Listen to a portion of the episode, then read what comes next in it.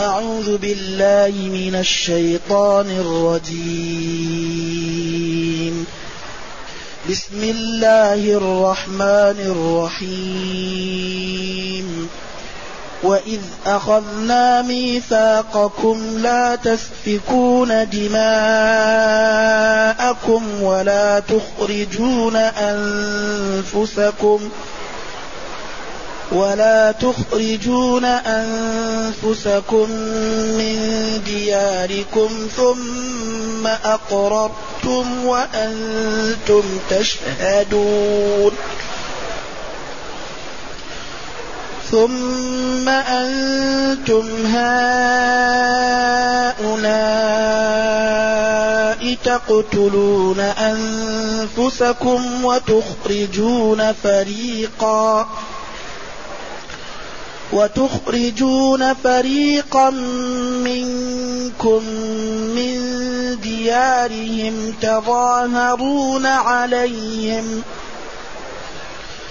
تظاهرون عليهم بالإثم والعدوان وإن يأتوكم أسارى تفادوهم ۖ وإن يأتوكم أسارى تفادوهم وهو محرم عليكم إخراجهم أفتؤمنون ببعض الكتاب وتكفرون ببعض فما جزاء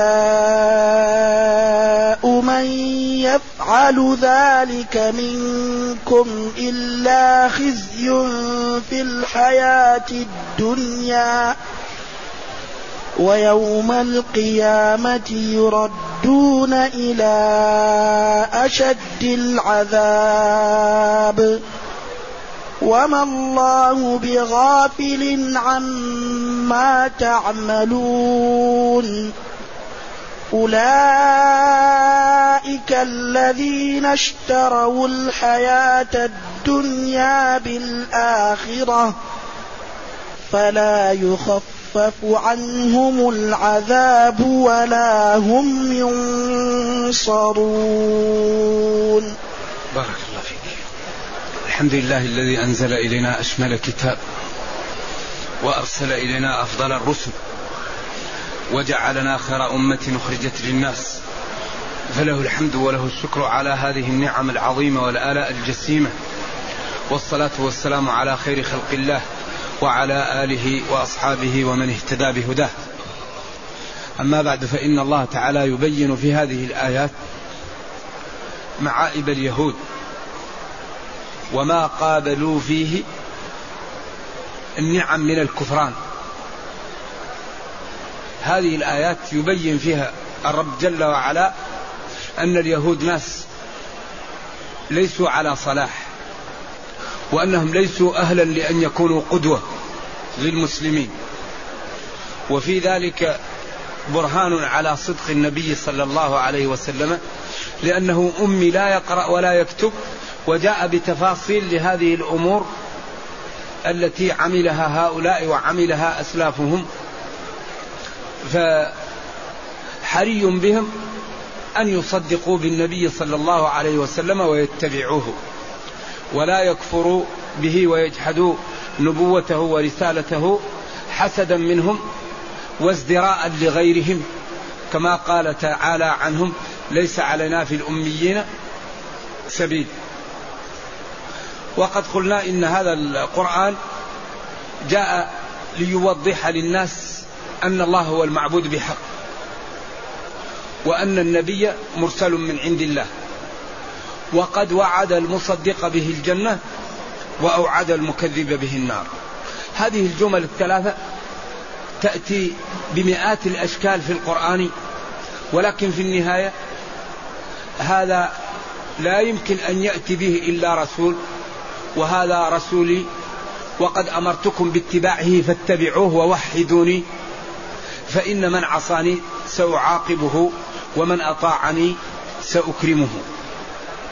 إذا هذه الجمل الثلاثة تتخذ مئات الأشكال في كتاب الله. الله معبود بحق والنبي صلى الله عليه وسلم مرسل من عند الله وقد وعد المصدق به الجنة وأوعد المكذب به النار.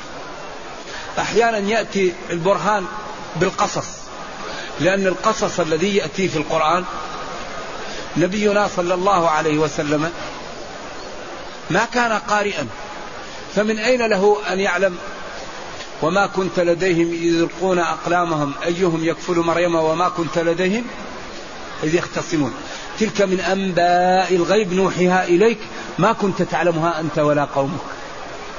الأحكام يغضوا من أبصارهم. ولا تقف ما ليس لك به علم لا تقربوا الزنا. ذروا ما بقي من الربا. وبالوالدين إحسانا. اعبدوا الله. أوامر كلها في غاية الجمال. نواهي كلها مفيد تركها. إذا هذا يدل على أن النبي مرسل من عند الله وأن الله هو المعبود بحق. إذا هذه الآيات تثري باليهود وتعيبهم وبالأخص من كان بين ظهراني النبي صلى الله عليه وسلم. وفي ذلك تنفير للمسلمين الذين كانوا يعيشوا بين المسلم بين اليهود فإن اليهود ليسوا أهلا للقدوة. أصحاب كذب وبهتان وقتل للأنبياء وازدراء وكفر بالنعم فأنتم يا أهل المدينة لا تتبعوا اليهود. إذا أول الآيات وإذ أخذنا ميثاقكم. قلنا قلنا إذ ظرف لما مضى من الزمان وإذا ظرف لما يستقبل من الزمان. وقد يعطى حكم إذ حكم إذا يتبادلان. وإذ وإذا لا تضاف إلا إلى الجمل. وكذلك حيث واذكر الوقت الذي أخذنا منكم الميثاق. وهذا فيه إزراء بهم لأن اليهود الذين كانوا بين ظهراني المدينة يسفكون دماء بعض ولكن عند الأسر يدفعون الفداء. فهم يلعبون كما قال تعالى في الآيات أفتؤمنون ببعض الكتاب وتكفرون ببعض. واذكر وقت أخذنا منكم الميثاق والميثاق هو العهد المؤكد باليمين أو بالرهن أو بغيره. ولذلك نقض العهد من علامات النفاق ومن علامات الدناءة. الإسلام يحرم نقض العهد. والله أخبر نبيه قال وإما تخافن من قوم خيانة فانبذ إليهم على أخبرهم ليس بيننا وبينكم عهد. لأن الإسلام لا يحب الغش فنقض العهد غش. ولذلك قال تعالى يا أيها الذين آمنوا أوفوا بالعقود. العقود كل الشريعة ما بينك وبين الله وما بينك وبين نفسك وما بينك وبين الناس. إذا هؤلاء كانوا كلما عاهدوا عهدا نبذه فريق كانوا ينقضون العهد ونقض العهد عيب ومحرم. فينبغي للمسلم وللعاقل أن يوفي بالعهد. قال تعالى وأوفوا بالعهد إن العهد كان مسؤول ولا تنقضوا الأيمان بعد توكيدها. وهذه الميثاق الذي نقضوه من جملته أنه إذا جاء النبي صلى الله عليه وسلم يؤمنون به ومبشرا برسول يأتي من بعد اسمه أحمد يعرفونه كما يعرفون أبناءهم. ولكنهم عياذا بالله تعالى يعني هذه النعم يقابلونها بالكفران وبالحسد وبالبهتان ولذلك بين الله معائبهم في هذه الآيات. وإذ أخذنا ميثاقكم لا تسفكون دماءكم وقلنا لكم لا تسفكون دماءكم أي لا يقتل بعضكم بعضا لأن الأوس والخزرج كانت بينهم إحن وفتن عظيمة قبل مجيء الإسلام. وكان اليهود بعض قبائلهم مع الأوس وبعض قبائلهم مع الخزرج. فكانوا إذا اقتتلت الأوس والخزرج الذين حلفاء الأوس يقاتلوا مع الخزرج ومع الفريق الثاني من اليهود. إذا الله أزرى بهم وعابهم بأنهم يقتلون بعضا والله حرم عليهم قتل النفوس. لا تسفكون دماءكم أي لا يقتل بعضكم بعضا. ولا تخرجون أنفسكم أي إخوانكم إذا غلبتموهم تخرجونهم من ديارهم وتطردوهم منها وتحتلونها. ثم أقررتم بذلك وقبلتم أنكم لا تفعلوا ذلك. ثم أنتم يا هؤلاء الذين أخذ عليكم العهد والإقرار بأنكم لا تفعلوا ذلك ها أنتم؟ تقتلون أنفسكم وتخرجون فريقا منكم من ديارهم تظاهرون تتعاونون أو تظاهرون عليهم بالإثم آه، يعني بالمعاصي والظلم والعدوان والاعتداء عليهم. بعدين قال وإن يأتوكم أسارى أو أسرى تفادوهم. إذا أنتم يا يهود ناس لستم على طريق مستقيمة. آمنتم ببعض الكتاب وكفرتم ببعض. تخرجونهم من ديارهم وتقاتلونهم. وإذا كانوا أسارى تدفعوا الأموال لإيش؟ لفكهم من الأسر. بعدين الله قال وهو محرم عليكم إخراجهم. تخرجونهم؟ وهو محرم عليكم إخراجهم كما محرم عليكم قتلهم. أفتؤمنون ببعض الكتاب؟ وتكفرون ببعض. تؤمنون بأن تفادوهم بالأسراء وتكفرون بما حرم عليكم وهو إخراجهم وقتلهم. فما جزاء يعني مكافأة ذلك وعقوبته إلا خزي في الحياة الدنيا. وهذه الآية مخيفة جدا لأنها إذا نظرنا إلى واقع المسلمين بالنقطة السابعة التي ذكرنا أن ينبغي للمفسر أن ينظر في سبع جهات في الآية. ما هي؟ النحو والصرف والبلاغة والمفردات المعاجم. والأحكام والسياق التي جاءت فيه الآية وواقع المسلمين بالنسبة لهذه الآيات. هل هذه الآيات معمول بها أو معطلة؟ بعدين نتيجة ذلك الواقع. إذا كانت الآيات معمول بها ما هي الثمرة والمنفعة التي جنتها الأمة من العمل بهذه الآيات؟ وإذا كانت هذه الآيات معطلة فما هي الأضرار التي عادت على الأمة بتعطيل هذه الآيات؟ إذا هنا هذه الآيات تؤمنون ببعض الكتاب وتكفرون ببعض. فما جزاء من يفعل ذلك منكم إلا خزي إيه؟ في الحياة الدنيا. هذه الآية مخيفة. المسلمون الآن يؤمنون بالصلاة في أغلب البلدان يؤمنون بالطهارة يصومون. لكن هل يؤمنون بالاقتصاد الإسلامي في كثير من البلدان؟ هل يطبقوا شرع الله في كل الأحكام أو في بعضها؟ إذا فما جزاء من يفعل ذلك منكم إيش إلا خزي في الحياة الدنيا. إذا الأمة الآن تنكوي بمخالفاتها. هذا صحيح الآيات نازلة في اليهود لكن آه، العبرة بعموم الألفاظ لا بخصوص الأسباب. لذلك قال الله تعالى الذي يؤمن ببعض الكتاب ويكفر ببعض ذلك يخزى في الحياة الدنيا ويوم القيامة يردون إلى أشد العذاب وما الله بغافل عما يعملون أو عما تعملون. على الغيبة والخطاب وهذا تهديد شديد وتحذير في غاية التخويف. إذا كان الله يرد هؤلاء إلى أشد العذاب وليس غافلا عن عملهم وعملهم فاسد هذا تحذير لهم في أن يقلعوا عن الحرام ويبادروا للتوبة. لعلوا أن ينجيهم الله من الماء من من العقوبة. فما جزاء من يفعل ذلك منكم. الجزاء هو المكافأة. ولذلك الإنسان تعطيه جزاءه. فإن كان عمل خيرا تعطيه جزاء خير وإن عمل شرا يأخذ شر. والجزاء هنا عياذا بالله هو العقوبة لأن عملهم كان عملا فاسدا فجزاؤهم فاسد. الجزاء من جنس العمل. إلا خزي. الخزي هو الذل والهوان عياذا بالله. الإنسان يكون ذليل هين. لا يمكن أن يرد عن نفسه يحتقر لا يعبأ به. هذا عياذا بالله هو الخزي. ولذلك الإنسان الذي لا يتقي الله يكون في وجهه الذل ولو كان غنيا وقويا. والإنسان المتقي ولو فقير يكون في وجهه العزة لأن العزة الحقيقية هي بطاعة الله. لأن الله غالب وقوي.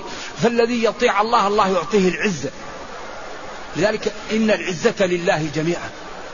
فلذا الذي يريد العزة فهو يستقيم على دين الله ويبتعد عن معاصي الله ويلتزم أوامر الله ويجتنب نواهي الله فالله يعطيه العزة لذلك العزة لا تنال إلا بالطاعة.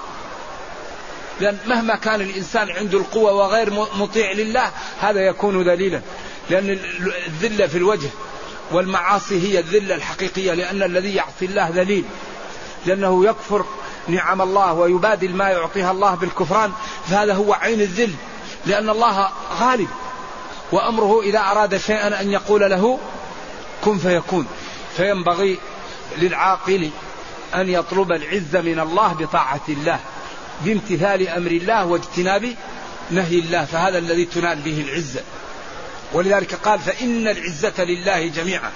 فإن الأش الآية أيبتغون عندهم العزة فإن العزة لله جميعا. غير الله لا ينال. ولذلك يطلبون منهم وهؤلاء الذين يطلبون منهم تابوا وأصبحوا يطلبون من الله. فينبغي للعاقل أن يطلب العزة من الله لأن العزة تنال بطاعة الله وباتباع شرع الله والكف عن نواهي الله فالذي يعمل ذلك؟ الله يبارك له في العمر وفي المال وفي الولد ويرزقه السعادة. وإذا عاداه شخص دمره ربه من عادى لي وليا؟ فقد آذنته بالحرب. ولا يزال عبدي يتقرب إلي بالنوافل حتى أحبه. فإذا أحببته خلاص وفقته كل ما تحرك كلامه فيه الخير. وحركته فيها الخير ودعاء فيه الخير ونوار فيه الخير فكل حياته نور وخير. لكن هذا لا يكون إلا بماذا؟ بالمكابدة. ما يمكن واحد ينال العزة إلا بالمكابدة. والذين جاهدوا فينا لنهدينهم. جاهدوا. مجاهدة على النظر. المجاهدة على السمع. المجاهدة على اللسان. المجاهدة على اليد. المجاهدة على الرجل. على البطن. فإذا جاهد المسلم نفسه حتى أصبح من عباد الله الصالحين المنفعة منه محققة. كل ما سلم على واحد سر فيه الإيمان. كل ما دعا الله استجاب له. كل ما قال شيء وفق له. ولكن هذا لا يكون إلا بماذا؟ بالعمل. إذا هؤلاء اليهود ليسوا أهلا لأن يتبعوا. و وليسوا أهلا لأن يكونوا قدوة. فاحذروهم يا مسلمون وابتعدوا عن طريقهم لأنهم أصحاب كفران وبهت.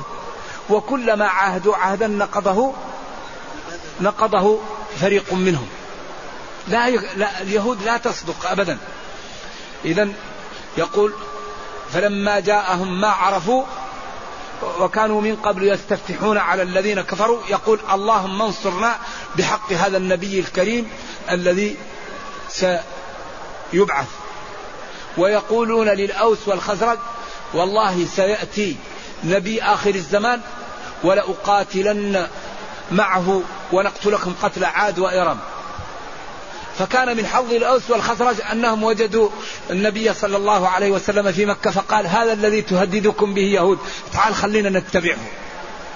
فكان هذا من بدايات يعني الخير على الأوس والخزرج فدخل الأنصار في الإسلام فلما جاءوا قال هذا من العرب إذا لا نصدق به. فتركوه حسدا وهم يعرفونه كما يعرفون بدليل عبد الله بن السلام. لما رأى قال عرفت أنه وجه نبي وآمنت به لكن قال قبل أن تعرف أن اليهود قوم كذبة سلهم عني. فقال ما تقولون في عبد الله بن سلام قالوا هو سيدنا وابن سيدنا. فكشف الغطاء وقال والله لتعلمون أنه رسول الله. فقالوا هو سرنا وابن شرنا. طيب ما قلت الآن هو سيدنا وابن سيدنا؟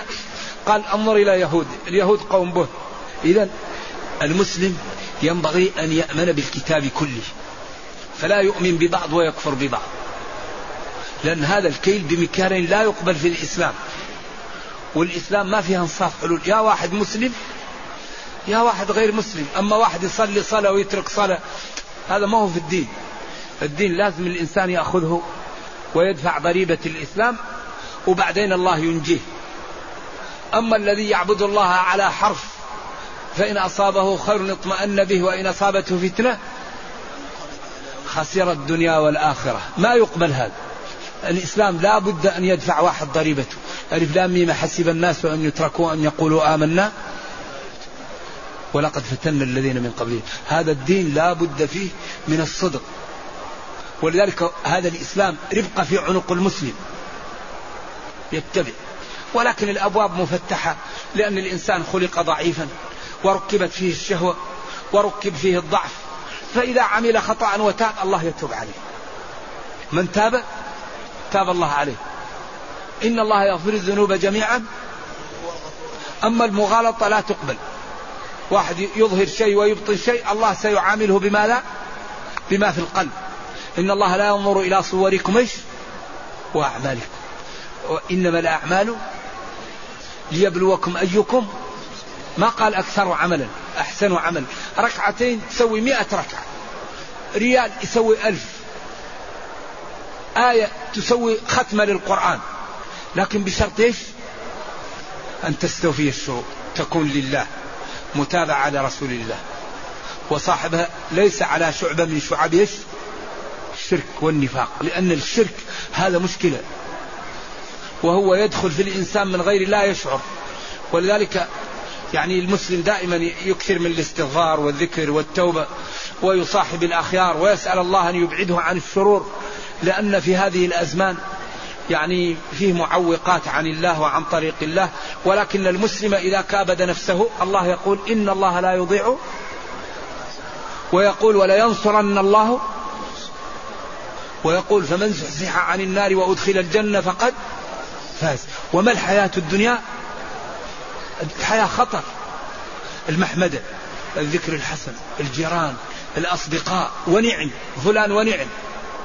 الإنسان إذا لم ينتبه يدخل له الشيطان الرياء ونعم والله فلان يقول ونعم بك. خلاص. يغير يغير نيتك فيجعلك لا تأخذ الأجر أو ينقص أجرك. لكن إذا علم العبد أن لا يمكن يعطيك الأجر إلا الله تشتغل لمن؟ لمن يعطيك الأجر. لأنه الآن لو عملت لغير الله يستحيل أن يعطيك الأجر. لماذا؟ لماذا غير الله عاجز عن يعطيك الأجر؟ من يجيب من الحاضرين؟ لأنه لا يملك عاجز. طيب ما هو خالقك؟ ما يعرف. طيب فيه جانب للعمل يسمى الإخلاص. وهذا الإخلاص ينبغي يكون عليه جزء من إيش؟ من الأجرة. من يعلم الإخلاص؟ إذا هو اللي يمكن يعطيك لأن هذا الجانب الخلق عاجزون عنه. واحد كلفته يقوم لك بعمل. هم ناس. انت تعطيهم الأجرة لكن الحقيقة أنك عاجز عن الأجرة لأن فيه جانب على الإخلاص هذا لا يطلع عليه من؟ إلا الله. فالذي هو يعطيه الحق هو اللي نشتغله غير الله ما يمكن يعطيك الحق كامل. الله هو اللي يملك أن يعطيك الحق والعاقل يشتغل لمن يعطيه الحق يعطيه الأجرة. فلذلك المسلم إذا انضوى بالله الله يعزه الله يغنيه الله يكرمه الله يحميه. لأن الله قادر ولا يضيع أجر من أحسن عملا ولا ينصرن الله من ينصره. فلما لا تكون العلاقة بالله على ما أراد الله؟ لما لا نحاول أن نفهم ما لا يريد منا ربنا؟ لما لا نعرف ما لا ينهى عنه ربنا؟ فنتجنبه. لما لا نعطي الوقت لديننا حتى نفهمه ونعيش حياة سعيدة؟ ولذلك الذي يستقيم على الدين الله يضمن له أمرين وهما صلاح الدنيا وصلاح الأخرى. أي شيء أعظم من يصلح للعبد دنياه وأخرى إذا الله يقول أفتؤمنون ببعض الكتاب؟ وهو تفادهم تدفع الأسرى وتكفرون ببعض وهو قتلهم وإخراجهم من ديارهم. فما جزاء أي مكافأة ذلك؟ وأجره إلا خزي في الحياة الدنيا ذل وهوان في الدنيا. ولذلك اليهود الذين فعلوا هذا أخبر الله أنه يسلط عليهم من يذلهم إلى يوم القيامة. وإذ تأذن ربك ليبعثن عليهم إلى يوم القيامة؟ من يسومهم سوء العذاب. وقال وإن عدتم وإن عدتم للإفساد عدنا عليكم في التنكيل. وقال وقطعناهم في الأرض. ما يجتمعون ضربت عليهم الذلة أينما ثقفوا. ولذلك لا يمكن أن يجابهوا إلا بالقرى أو بالجدر. لا يقاتلونكم جميعا إلا في قرى محصنة. أو من وراء جدر. بأسهم بينهم شديد تحسبهم جميعا وقلوبهم شتى. إذا آه، ويوم القيامة يردون إلى أشد العذاب وهو عياذا بالله عذاب الكافر. لأن كلما نضجت جلودهم كلما خبت زدناهم سعرا. وهذه هي الخسارة العظيمة الذين خسروا أنفسهم وأهليهم يوم القيامة. ألا ذلك هو الخسران المبين؟